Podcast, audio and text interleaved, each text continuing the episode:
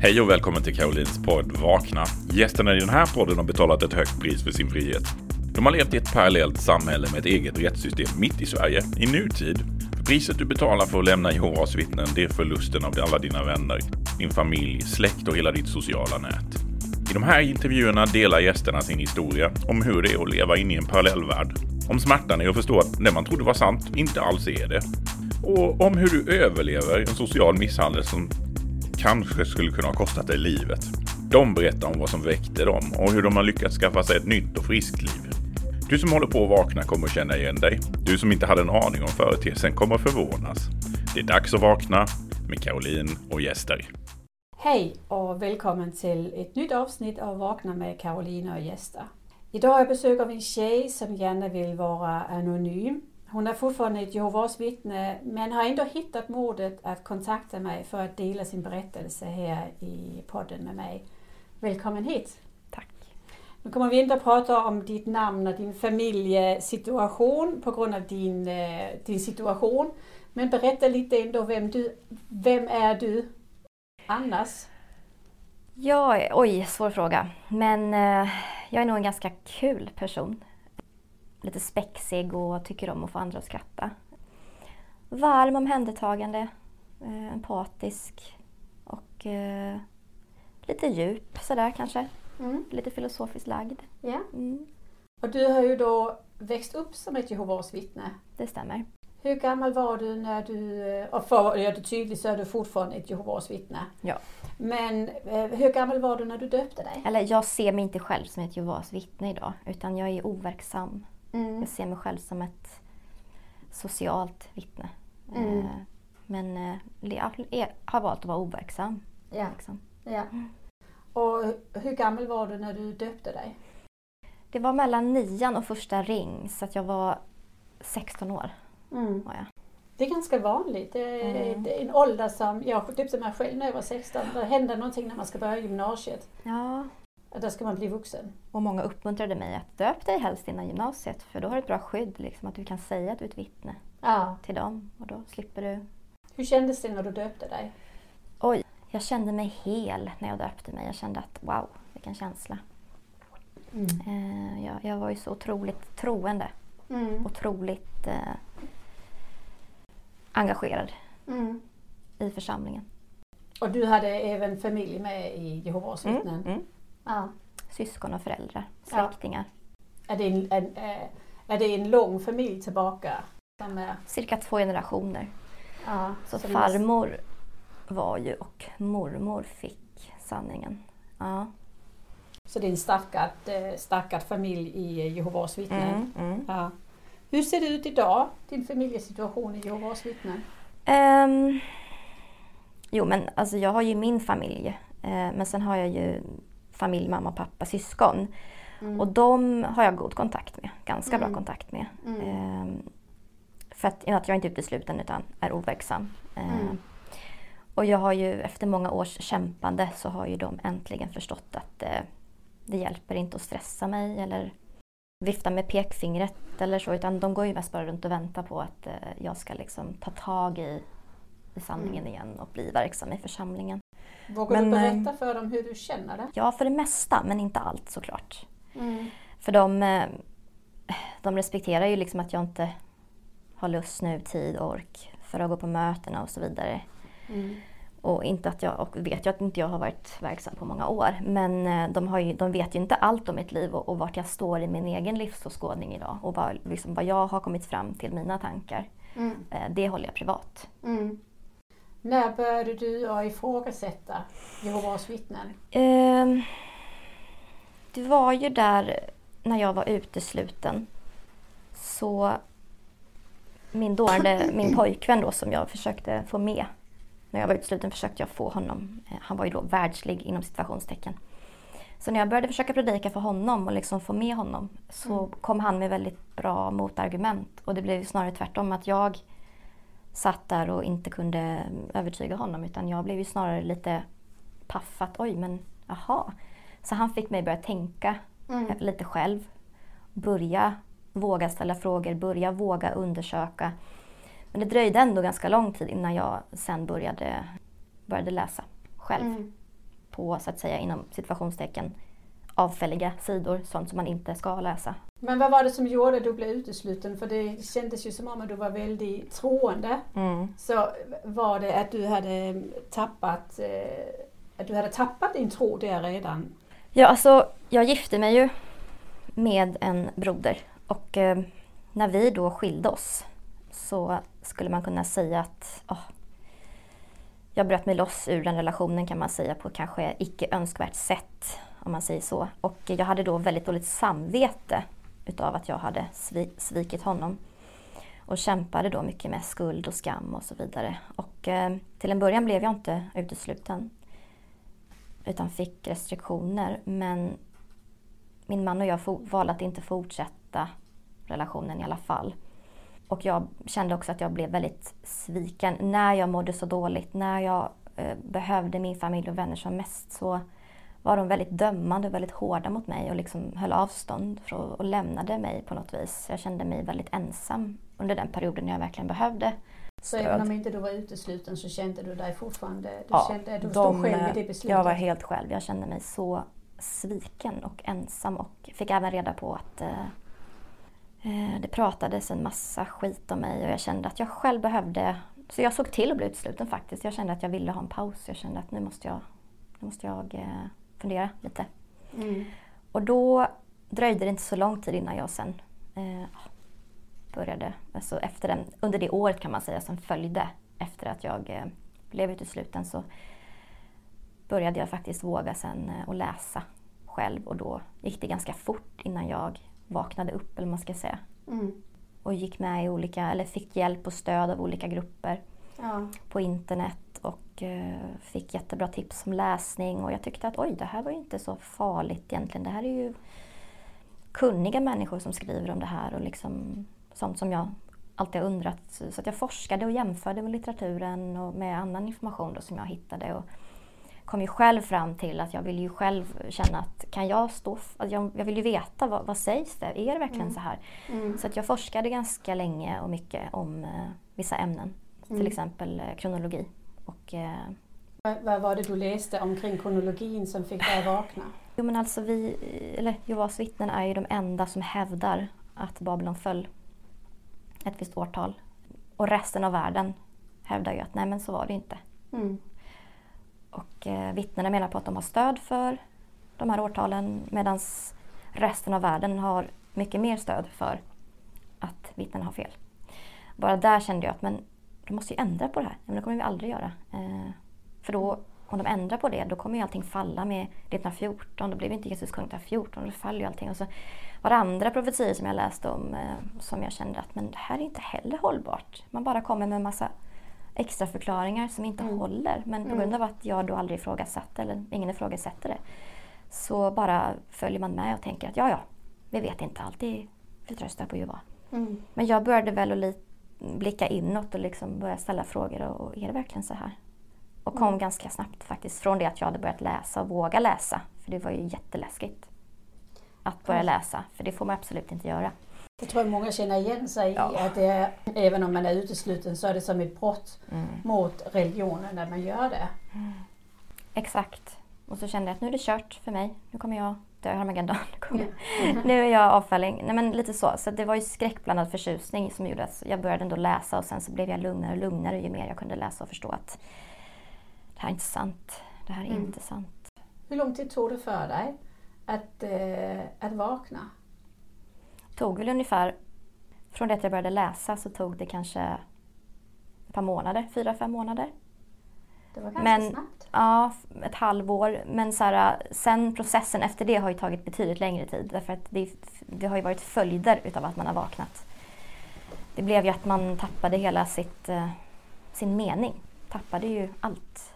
Kommer inget paradis, men hjälp, vad, har jag bara 80 år på jorden? Vad, jag blev ju helt... Eh, jag hamnade i en, en, en, kris, existentiell kris, identitetskris. Samtidigt som jag eh, hade en relation med en person som hade problem med ett missbruk och jag själv kände mig väldigt identitetslös och rotlös. Vem är jag? Mm. Om inte jag är ett Jehovas vittne, vem är jag då? Så att det började, där började min resa liksom att hitta mig själv och det här var ju sju år sedan cirka. Ja. Så att eh, det, det gick fort att vakna men det tog också det tog ganska lång tid att landa i det. Långt, hur hur reagerade du? Eh, blev du deprimerad eller ledsen? Mm. Eller tog du in dig? Vad, var det för eh, reaktioner du hade? Alltså det var ju trauma, det var ju sorg, chock. Och sen började ju liksom till slut processen att läka. Alltså, det var ju som att förlora någon man älskar. Så att det var ju ett trauma för mig mm. att, att upptäcka att oj, det här är inte sanningen för mig. Det här är liksom... Men vem, alltså jag blev helt vilsen. Så jag behövde terapi, hjälp. Blev ju utmattad så att jag, jag blev sjukskriven under en period. Kunde du, vågade du berätta för din terapeut om din kris du gick igenom? Oh ja, oh ja. Jag hade jättebra, jättebra psykolog som eh, jag var helt öppen med i och med att det är sekretess. Så ja. kunde jag ju vara helt öppen. Så att jag har fått väldigt bra hjälp av psykologer mm. och samtalsterapeuter. Och, eh, Kunde de förstå all... dig? Ja, en del hade ju lite kunskap om det men andra var ju helt så oj, oj, eh, oj, vi kanske ska, ja. Men däremot, jag träffade en, en eh, psykiatrisjuksköterska när jag liksom kände att nu behövde jag prata med det här. Jag måste prata om det här. Jag måste gå i terapi för att jag måste ha hjälp. Liksom. Jag mår så dåligt. Och hon kunde inte så mycket om detta ämne till en början. Men hon läste på väldigt mycket och hon eh, började forska så att hon liksom kunde förstå lite grann mig mer. Och hon var nog, eh, hon hittade, hjälpte mig att hitta liksom, eh, ett sätt att försöka hantera det bara. För mm. det var ju det jag behövde göra. Hjälp mig att hantera det här. Hur ska jag mm. hantera det här? Mm.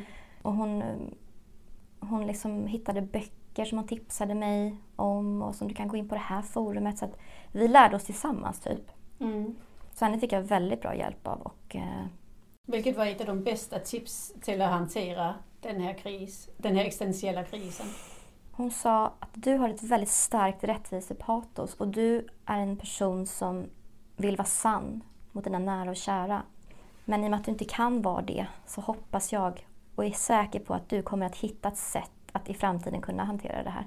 Och hon fick ju mig att känna att fast du du kan ju inte vara helt ärlig på grund av att du skulle riskera att eh, förlora familjen och vännerna.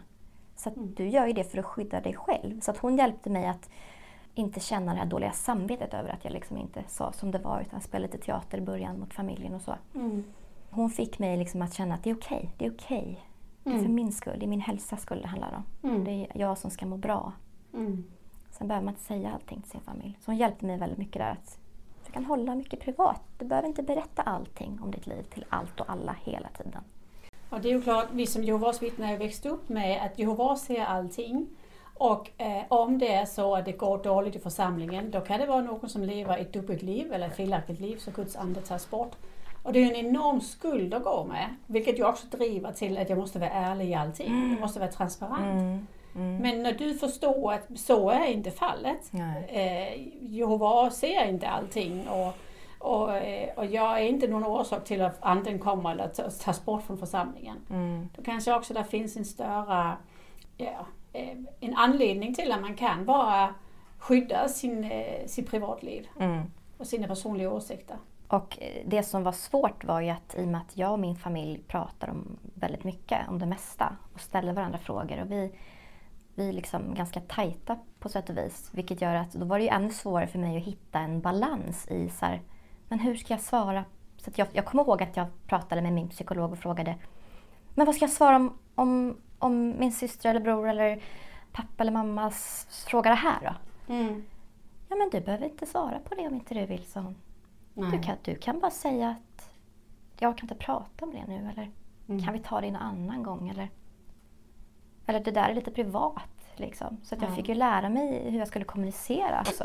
Eh, vilket har ju varit väldigt tufft. Men idag har jag kommit dit där jag känner att jag vet hur jag ska uttrycka mig. Och jag vet mm. hur jag ska, vad jag ska göra för att eh, hålla mig under radarn. Så att jag slipper frågor, så jag slipper sitta och förklara mig. Och liksom, det, det är jätteskönt att ha kommit men, dit. Men eh, eh, du var, när du vaknade, då var du utesluten. Mm. Men, men vad hände? För att nu är du ju, nu är du ju ett Jehovas vittne. Mm. Du valde att ändå bli återupptagen. Ja, för att som sagt betyder min familj väldigt mycket för mig. Eh, och eh, jag kände att jag var så deprimerad och eh, mådde så pass dåligt av att vara ifrån dem. Att inte få ha kontakt med dem. Så att jag, en god vän till mig sa att men du behöver din familj. Du måste ta dig tillbaka. Mm. Gör det. Säg vad de vill höra. Mm. Äldstebröderna. Säg vad de vill höra, du behöver inte berätta allting, sa hon. Och jag följde det rådet. Så att jag liksom såg till att ta mig tillbaka helt enkelt. Och eh, gick på alla mötena, sa det de behövde höra. Och lyckades ju då på något vis eh, ta mig tillbaka. Va? Så att de trodde ju på det jag sa. Allt var inte eh, lögn liksom, utan jag ville ju på något sätt också... Jag hade vaknat upp på ett sätt och vis, men inte helt. Utan jag var tvivlandes, tvivlandes medan jag tog mig tillbaka. För men jag ville, ändå, jag ville ändå komma tillbaka för att känna efter. Hur känner jag egentligen för det här nu när jag fått reda på allt det här? Mm. Kanske det kan bli så att jag ändå känner att jo men jag vill vara ett Jehovas vittne. Eller så kanske jag känner att nej, det här är inget för mig. Och då bojkottar jag det och blir lite så, lever lite under radarn och så Mm. löser det sig säkert. Liksom. Men så att jag, jag vaknade, när jag, samma dag, jag, alltså den, jag kommer aldrig glömma det mötet, jag blev återupptagen. Jag kommer aldrig glömma den sista kommittén jag satt i, när de skulle återuppta mig. Då kände jag så tydligt att eh, det inte var väglet. Vad var det som gjorde att du kände det? Därför att jag hade inte talat sanning alltid till i kommittén. Och jag hade inte heller... Eh, när de sa det att ja, men vi tycker att... Vi tycker, sa han, brodern. Och det är det ju tre stycken. Vi tycker att du, vi tycker att du har gjort allt du ska och vi, vi, vi vill gärna återuppta dig igen. Mm. Vi vill det. Mm. Och då kände jag så här, vi? Vadå vi? Vad konstigt. Eh, men sen så mötet sen när jag blev återupptagen då kände jag verkligen den här falska, Mm. det här liksom mottagandet. De har inte pratat med mig, knappt sett mig. Och nu helt plötsligt är allt okej. Okay. Tre gubbar tycker att jag... Mm. Så där kände jag, där vaknade jag ännu mer nästan. Så din återupptagning hjälpte dig Mm. ett steg till? Mm. Och sen fortsatte jag att forska och läsa. Så till slut så blev, blev eh, sjukskriven för jag fick en, eh, en depression. Så förklarade jag liksom till bröderna att jag eh, orkar inte gå på mötena. Jag mår inte bra. Men jag, ni behöver inte oroa er liksom. Mm. Sen flyttade jag ju därifrån där jag bodde eh, och kunde liksom lättare hålla mig undan sen. Ja. Men har ju då skylt, vilket inte är en lögn, har ju skylt på psykisk ohälsa. Liksom, som har gjort att alltså, jag orkar inte göra det jag ska. Nej. Så det var ju liksom min biljett på något sätt ut ur det här aktiva livet. Eh, och har ju fortsatt på den linjen. Tror du att eh, de kraven som finns som ett Jehovas vittne bidrar till psykisk ohälsa? Ja, för mig gjorde det det. Mm. Mm. Prestationsångest, Mm. duktig, duktighetssyndromet. Eh, Mm. När man då kanske inte själv kan reglera aktivitet och balans så bra så kan det bli väldigt... Jag brände ut mig flera gånger som vittne. Mm. Men var ju, alltså när jag var pionjär, när jag var aktiv. Så eh, absolut, absolut bidrar till det. Mm. För lite som du sa också till mig tidigare samtal att man känner ju i magen lite grann att det är fel, vissa Mm. saker. Mm. Till exempel att inte hälsa på någon som är utsluten, inte prata med dem. Det känns ju hemskt att inte få göra det. Bland annat. Ja. Är det, var det, är det saker som du kände när du var ett aktivt vittne Mm. som liksom skar i dig Mm. utöver uteslut? Var det andra saker som...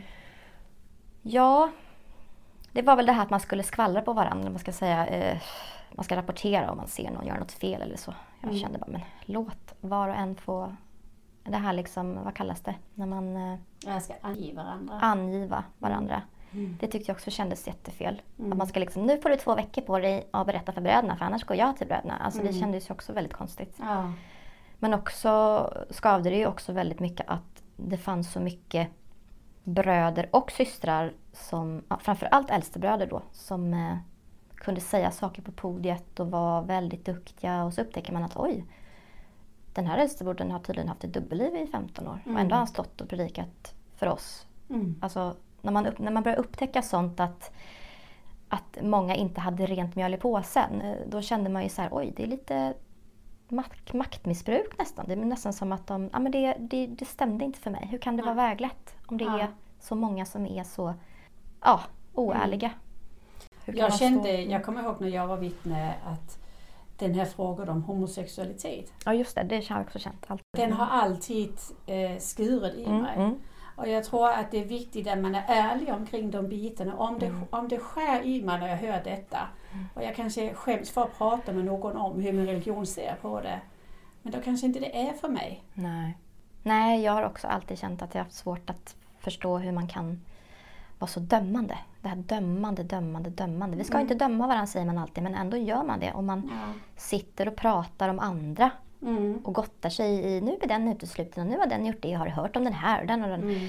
Då känner man ju så här, men är det här verkligen, ska det verkligen vara så här? Mm. Så att jag kände ju till slut en sån stor skillnad på vittnena och mina världsliga kollegor då. Som jag kände, men de här är så fina människor mina kollegor. Mm. Men det är de som ska dö i Harmageddon. Och de sitter inte och pratar skit lika mycket som Mm. mina kompisar gör Nej. eller som församlingen gör. Och, och de dricker inte lika mycket och de, Mm. de, vill ju bara, de vill bara väl. De vill jobba och försörja sina familjer och de är hemska människor. Mm. Det gjorde ju också att man vaknade upp lite grann. Att, Det är faktiskt intressant det här med dömande. Jag träffade en kvinna som eh, jobbar som terapeut och hon har väldigt många Jehovas vittnen som kommer som eh, kunder till henne. Och hon säger att de är jättefina, eh, Mm. väldigt snälla, fina människor. Men säger hon, jag har aldrig träffat så dömande människor. Och, eh, och det är ju i den kultur vi, vi växer upp i i församlingen att vi är lite för mer och vi dömer i och med att vi går ut och säger att vi har sanningen och vi är Mm. vänner. Och det är också någonting som är väldigt stressande. mm, För om jag ska döma någon annan, då är jag också lite för mer. mm, Eh, Och det är klart, det ger prestation på oss själva. Mm. Men, men okej, du blev återupptagen och eh, vad, vad, har liksom, vad har hänt och hur har ditt liv varit som återupptagen? Det var rätt skakigt i början med tanke på att jag inte var säker på om jag ville det här eller inte. Mm. Men eh, när jag väl sen hittade ett sätt att kunna eh, slippa då vara aktiv på möten och i tjänsten så, så kändes det bättre. Jag, jag kände faktiskt att så fort jag slutade gå på mötena så, fick jag, så försvann min ångest. Min ångest försvann totalt när jag slutade gå på mötena. Mm. Så att eh, jag, det gjorde ju att jag fortsatte att inte gå på mötena. Att inte att ha så lite som möjligt med det, att jag pausar lite. Mm. Men jag gick ju på sammankomster och åminnelsen och lite så. Men, eh, men ja, det var liksom lite grann ett, ett experiment för mig det här första året. Vad kommer det bli? Ska jag bli utesluten igen eller ska jag... Mm. Mm. Men sen har jag ju också liksom känt att, men när jag väl kom fram till sen med åren att jag tror verkligen inte på det här längre. Då försvinner ju också plikten och känslan att man måste bli utesluten. Mm. För att jag känner att om jag ändå inte tror på det här, varför ska jag då sätta mig i en kommitté och låta tre män bestämma vilka jag får träffa och inte träffa? Mm. Då håller jag mig hellre i, i bakgrunden Mm. och eh, gör all, det minsta Mm. som man kan göra. Och eh, kanske, kanske kan jag hjälpa andra. Och komma med lite tankar och lite frön. Mm. Eh, och eh, kanske vara till hjälp för yngre släktingar, yngre familj, yngre vänner Mm. som kanske kommer till mig. Så jag känner på ett sätt att jag har ett ansvar lite grann. Mm. Och, eh, Jag jobbar från så det var mm, lite så. Det är en väldigt stor tillgång för att vi som är uteslutna anses ju som avfällingar när vi pratar om organisationen Ja. och, och det i sig gör ju att dörrarna är stängda. mm. Att vårt budskap inte kommer in. Mm. Eh, Men det är klart du kan göra det. Men jag är försiktig såklart. Mm, Jag jag är förstår väldigt försiktig och väldigt privat. Mm. Så att jag är väldigt försiktig med vad jag säger så att man inte kan uppleva det som att jag skulle vara avfällig på något vis. Eh, utan jag är snarare ja, men, försöker vara mänsklig och försöker att få människor att, ja, men, vad känner du själv? Att de ska liksom blicka inåt och känna efter lite själv. Känns det här rätt? Och det här är konstigt. Och så, har ni funderat på det här någon gång? Mm. Här får inte jag ihop det. Mm. Ja, nej, liksom då. Så att ja, det var tufft första liksom, tiden men sen när jag väl upptäckte att eh, nej men det här är nog, eh, det här går bra. Det går ändå bra. Jag måste ändå fortsätta. Jag vill inte bli utesluten så jag måste ändå hitta ett sätt att hantera familj och vänner då. Det går jättebra på jobbet och så, det är ju inga problem och med andra människor men att just i mötet med eh, framförallt väldigt överandliga människor kan det bli lite så. Jaha, går inte du på mötena? Varför inte då? Mm.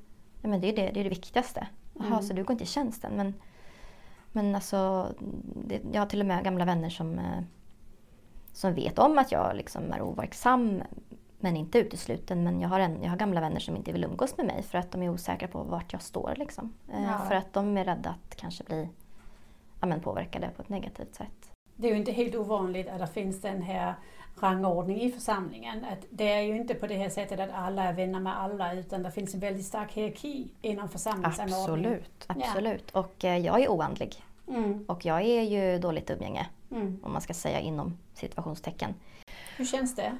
Nej men, idag kan jag hantera det. Mm, Absolut. Idag tycker jag att det är skrattretande faktiskt. mm, Att vissa vänner, bröder och systrar kan umgås med mig.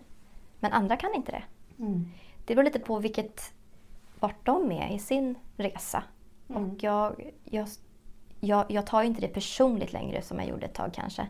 Utan det har ju med dem att göra. mm, Att de inte vågar, inte vill, inte är redo.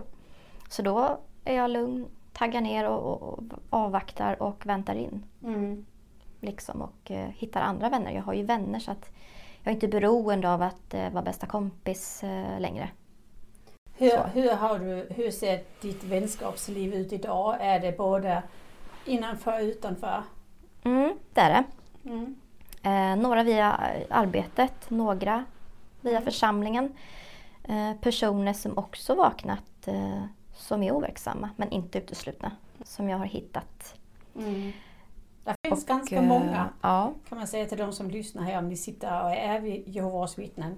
Det finns eh, fler och fler som kontaktar mig och som jag hör talas om som eh, är ett stort mörkertal. Mm, mm. Som av några anle- av anledningar inte kan lämna. Mm. Eller eh, är redo att lämna. Mm. Eller känner att de behöver lämna. Mm. Men eh, jag har släktingar också som eh, inte är Jehovas vittnen. Och de har betytt och betyder mycket för mig. Mm. Och om inte jag hade haft dem så hade det varit svårare för mig att ta mig tillbaka. Att komma Mm. dit jag är idag. Ja, jag För jag har alltid kunnat bolla med dem. ja. Och de känner ju till Jehovas vittnen Mm. också. Hur, hur ser din gudstro ut idag?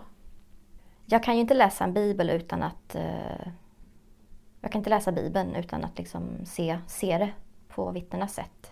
Eh, se det, se de lärare som jag har lärt mig. Så jag har svårt att hitta Gud idag för att jag är så färgad och det sitter Mm. kvar. Men jag, jag ser mig själv som agnostiker. Jag tror på något högre, jag vet inte exakt vad. Jag är sökare.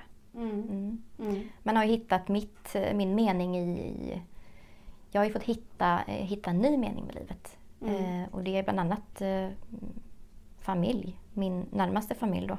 Mm. Min partner och mitt barn Mm. är ju min mening. Mina djur, mitt arbete, vad jag gör. Det känns meningsfullt. Psykologi, vetenskap, ja, men sociologi, människors Mm. beteende och, eh, och jag, eh, ja, men jag är vetgirig, jag, jag, jag är kunskapstörstig och jag lär mig någonting hela tiden, någonting nytt. Så att det är svårt med gudstron i och med att man inte helt 100% kan komma ifrån det man har lärt sig. Liksom. Det, Nej. man är så otroligt fast i det fortfarande. Jag har upplevt, tycker jag, att min gudstro har, har utvecklats från att vara väldigt Idag så ser jag det som en väldigt begränsad eh, gudstro, den jag blev serverad i min barndomsreligion. Med, med ett namn och en struktur och, och väldigt tydliga anvisningar. Till nu att jag ser, eh, jag, jag känner mig som en andligt människa eller spirituellt människa. Det kan, det kan låta lite flummigt att vara spirituell men jag, men jag ser mig som en, en, eh, en mer spirituell människa idag än vad jag gjorde när jag var ett Jehovas vittne. Där var jag religiös eh, med de här dogmerna. Men nu är det mer att, eh, att se det stora och kraften i allting. Jag brukar säga så här när jag får frågan om, ibland av familj eller vänner att men är du inte rädd och orolig för att liksom, du ska, du har ändå ansvar för din, ditt barn och, och tänk om, om, om hen inte...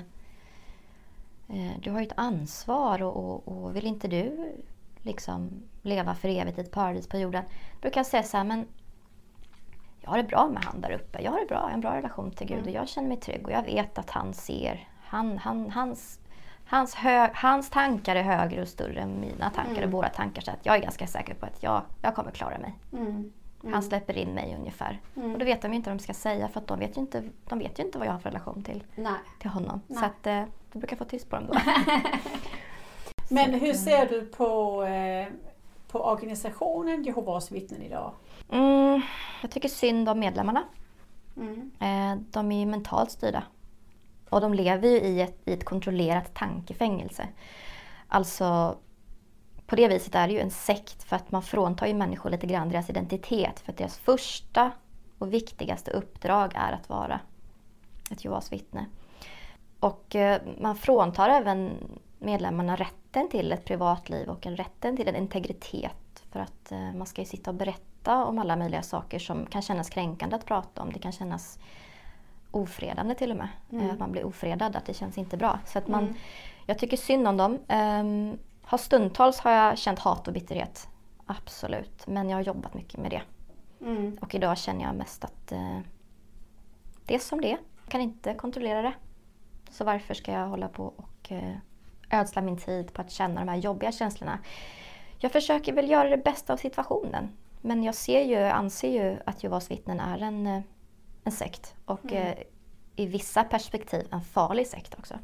I vilket perspektiv tänker du på då? Eh, Människor som kämpar med missbruk och psykisk ohälsa som blir uteslutna.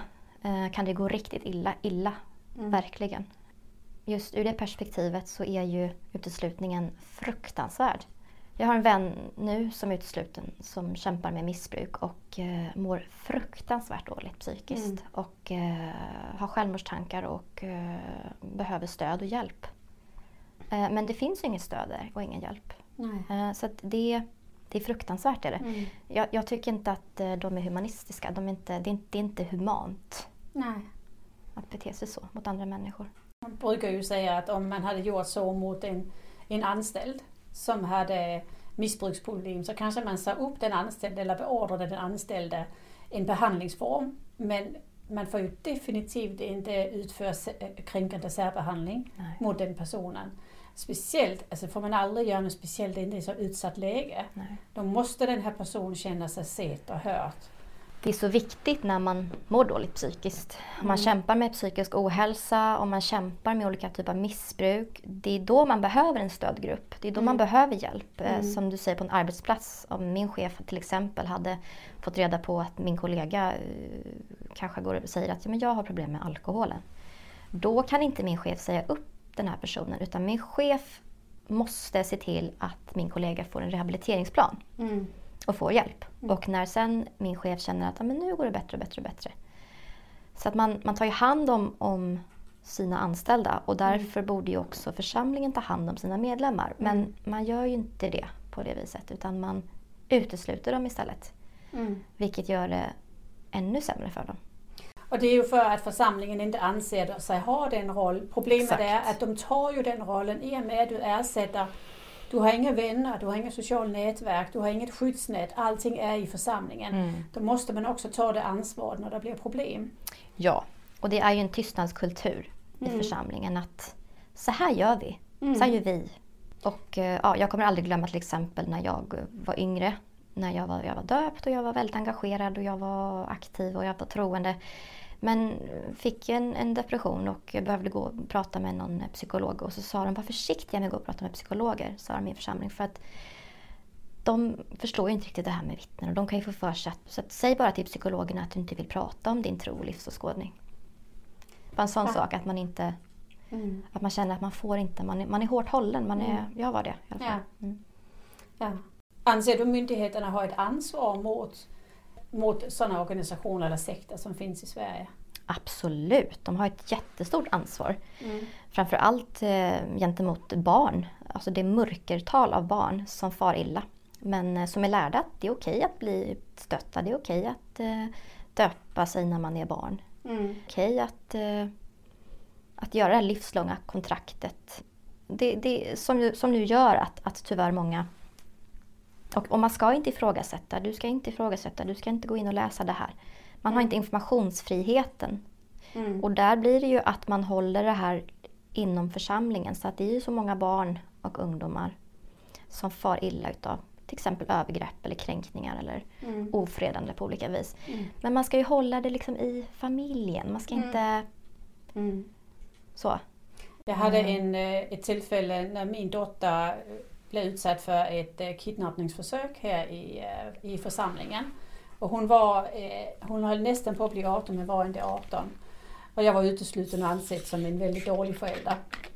Och då eh, eh, ringde jag polisen och eh, polisanmälde det. Och eh, jag ringde till församlingen och jag var väldigt, väldigt upprörd på lokala församlingen. Att vad är det ni håller på med? Att, eh, att ni ska komma och hämta hem min dotter, eller hämta min hem, dotter från hemmet för att jag är utesluten. Då hade jag hittat sms-konversationer på min dotters telefon där jag blev omtalad som Satans vän, dåligt umgänge, eh, jag, hon skulle bara be till Jehova för att Satan inte skulle få tag i henne. Och det, det kanske äldsta bröderna tyckte det var inte jättebra. Men jag blev kritiserad för att jag hade polisanmält det. Och det är ju den här tystnadskulturen vi har att ja okej okay, det var kanske inte jättebra men måste du gå till polisen? Mm. Och det, det är ju väldigt viktigt att lära sig att stå upp för de här, vad som är rätt och vad som är fel. Det är det som är problemet, att man får inte riktigt reda på sina rättigheter mm. ur ett samhällsperspektiv. Utan man, det viktigaste är att vi håller oss rena och att vi kommer överens och förlåter varandra. Vi är mm. bröder och systrar. Mm. Det är liksom inte så här att, aha, du blev ofredad av en äldstebroder. Okej, vad gjorde han? Nej, men han tafsade på mig. Eh, ett, och jag blev jätte, jag isade. Det här har faktiskt hänt mig. Jag var 14 mm. år. Det var ingen som sa att jag kunde ringa polisen och anmäla honom. Och jag Nej. tänkte inte på det själv heller. Nej. Man pratade med honom och sa att du ska nog vara försiktig med unga flickor. Mm. Men han liksom. borde ha blivit polisanmäld och du oh, borde ja. ha fått uppmuntran. Det är ju inte ungdomens oh, ja. ansvar att ha den kunskapen utan de vuxna har ett ansvar att informera att det ska polisanmälas. Ja, och sen också det här just med källkritik. Och det, tyvärr hade inte jag knappt pluggat källkritik eh, när jag döpte mig. Så att jag, Nej. jag var ju ganska lättledd mm. person som eh, litade på min omgivning och de vuxna jag hade omkring mig och familjemedlemmar. Och man kanske inte är så källkritisk när man är 16 år gammal, som många är när de döper nej, sig. Alltså, nej, precis. Utan det är ju någonting jag fått lära mig efterhand. Och, mm. Det är väldigt, väldigt viktigt att man ändå alltid har tre källor minst. Mm. För att kunna verifiera att någonting är ett fakta. Mm. Sen visst har ju mycket med tro att göra.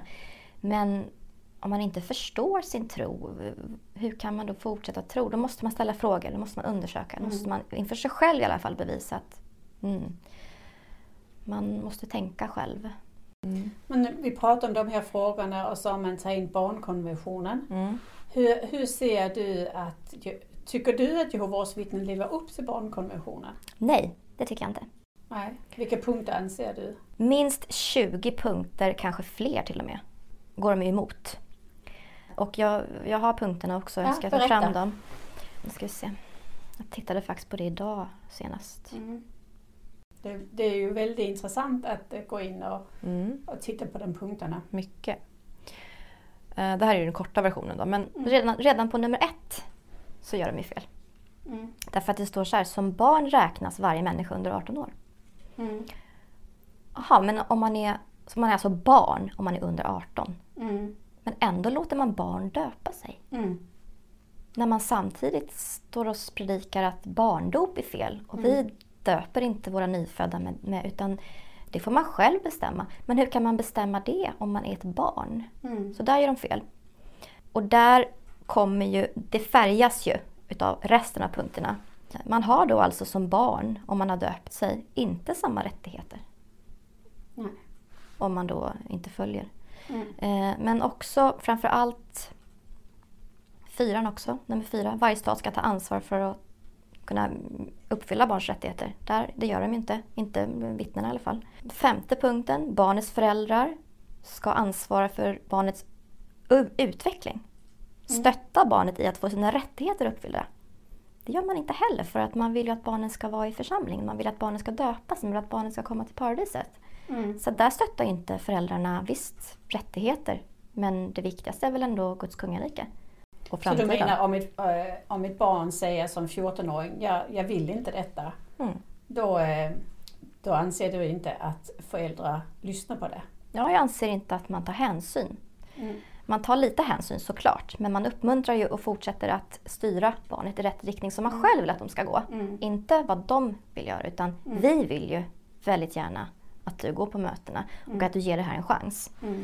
Så jag anser ju inte att man stötar upp direkt där. Mm. Eh, Men också framför allt eh, punkt 12, 13 och 14 där Mm. det står att barn har rätt att uttrycka sin mening och höras i alla frågor som rör barnet. Nu kommer det. Hänsyn ska tas till barnets åsikter Mm. utifrån barnets ålder och mognad. Den här hänsynen till barnets åsikter. Visst kan man lyssna på barnen men du ska ju ändå försöka ge det här en chans. Du ska ändå försöka för studera. Be till Jehova. Gå på mötena. Följ med nu. Mm. Det här och det här skriftstället. Titta på det här. Lyssna på det här. Mm. Så man styr ju barnen åt den riktning man själv vill. Så där tycker inte jag att man tar den här hänsynen. Och här kommer det viktigaste, där jag tycker att de gör mest fel. Är att vittnena, det står ju så här att barn har rätt till yttrandefrihet. Att tänka, tycka och uttrycka sina åsikter. Med respekt för andra personers rättigheter. Det blir ju lite fel när man inte får tänka och tycka och känna på ett visst sätt. Mm. När man växer upp. Dels om man växer upp som ett Jehovas vittne eller man blir ett Jehovas vittne som vuxen. Då kontrolleras ju ens tankar och ens yttrandefrihet kontrolleras. Information kontrolleras. Visst har barn rätt att utöva vilken religion de vill eller ingen alls, som står sedan i punkt 14. Och rätt att delta i föreningar och så vidare. Men när de sen då är barn och döper sig, då har de inte rätt till ett privatliv. Och här står det, barn har rätt till ett privatliv. Mm. Du ska berätta Eh, vad som du gör. Ja, man ska ju helst eh, berätta allting man gör. Mm. Annars så ja, är det ju fel. Mm. Man måste berätta om man gjort någonting fel. Och vad gör man som barn eller ungdom fel? Ja, det är ju bara tänka. Vad gör man? Ja, men det är hormoner i kroppen. Allting bara hoppar. Mm. Och sen just det här nummer 17 att eh, barn har rätt att få tillgång till information via till exempel internet, eh, radio och TV. Mm. Det har- ju inte barnen alls i Jehovas vittnen, bland Jehovas vittnen. De, de, blir ju, de blir ju intutade att eh, du ska inte gå in och läsa det här och det här. Och du ska helst inte läsa just det här och du lyssnar helst inte på den här Mm. Eh, podden och gå helst inte in och titta på det här programmet ikväll nu som handlar om Jehovas vittnen. För det är en väldigt negativ avfällingar Mm. som har gjort det här programmet. Mm. Så man, man blir ju begränsad i vilken information man får ta in. Så att där gör de ju också fel. Jag tycker ju den här med att barn har rätt till att ha sin egen religion eller ingen religion alls. är ju, är ju väldigt eh, markant i Jehovas vittnen. För att eh, om jag har, eh, är Jehovas vittne och mitt barn säger att jag vill konfirmera mig, det går ju inte.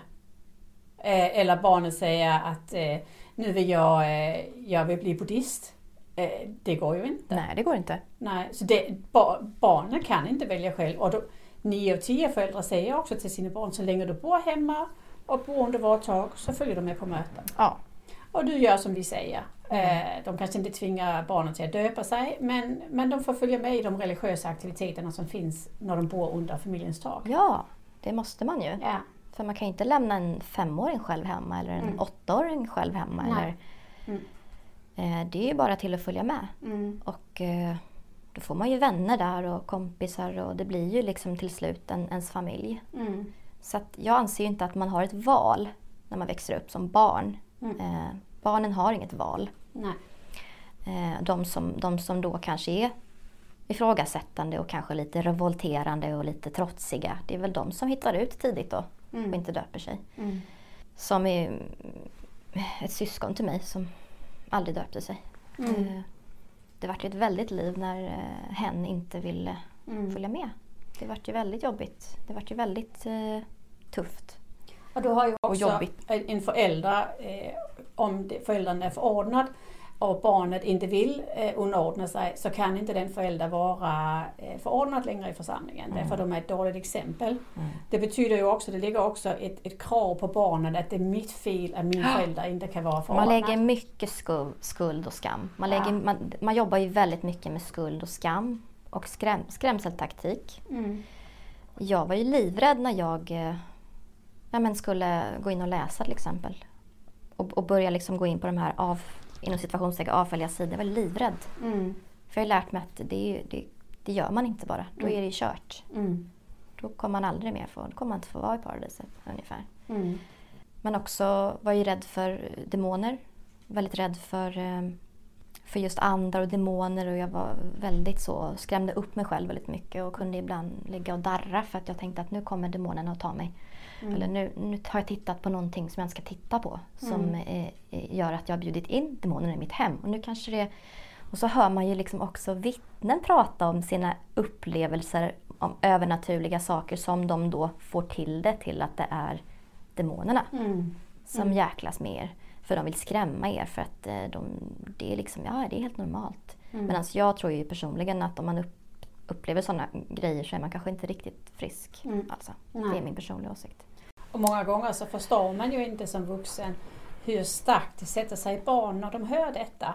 Barn som ju knappt kan titta på en Disneyfilm och, och, och skilja på, på verklighet och fantasi Mm. har barnböcker med väldigt, eh, som min bok med bibelska berättelser med otroligt kraftfulla bilder. Jätteläskigt. Väldigt läskiga Jätteläskigt. bilder. Mm. Eh, och det är klart barn tänker, men då jag kan inte leva upp till allt det här. Då är jag ond och jag kommer att skiljas. Jag har bett min egen dotter berätta om det när hon var liten. Jag hade ingen aning om hon var så rädd för det. Mm. Jag var också rädd. Och jag Mm. skulle aldrig skrämma upp mitt eget barn. Mm. När man är utanför det och har perspektiv, då ser man ju hur sjukt det Mm. låter. Mm. Att säga till ett barn att du kan inte leka med den här leksaken för då, för då eh, det här är en magisk leksak och eh, magi tar ju Gud avstånd från och visst vill vi vara Guds vän. Vi ska, inte, vi ska hålla oss ifrån allting som, Mm. som Gud inte vill att vi ska göra. Mm. Så att barn får ju tidigt lära sig att eh, man, ska, mm, man ska vara behaga Gud och församlingen och hålla sig borta från saker och ting. Annars, annars så kan det gå illa. Liksom. Mm. Så man skrämmer ju. Alltså det är det man gör. Mm. Det är det man gör. För att man skrämmer folk till lydnad. Ja, precis. Så att nej, Tycker du det är rätt att eh, Jehovas vittnen får statsbidrag? nej. Verkligen inte. Nej. Varför ska mina, varför ska våra skattepengar gå till ett samfund som inte skyddar barnen? Mm. Som tar ifrån dem tankefrihet, informationsfrihet. Mm. Som, som inte lever upp till, till barnkonventionslagen. Mm. Nej, det är uppåt väggarna för mig. Absolut inte. Så nu har vi hört, du, är ju, du har ju på fötterna och du är ju väldigt eh, avklarat med hur du ser på, på eh, den religion du egentligen tillhör. Hur, hur ser ditt liv ut idag? Anser du att du är... Har du ett bra liv idag? Oh ja, oh ja. Mm. Mycket bra liv. Ja. Och, och anser du att du kommer fortsätta så här att, eh, att leva... Du behöver inte att, att, att, att lämna Jehovas vittnen utan du kan fortsätta leva på det här sättet.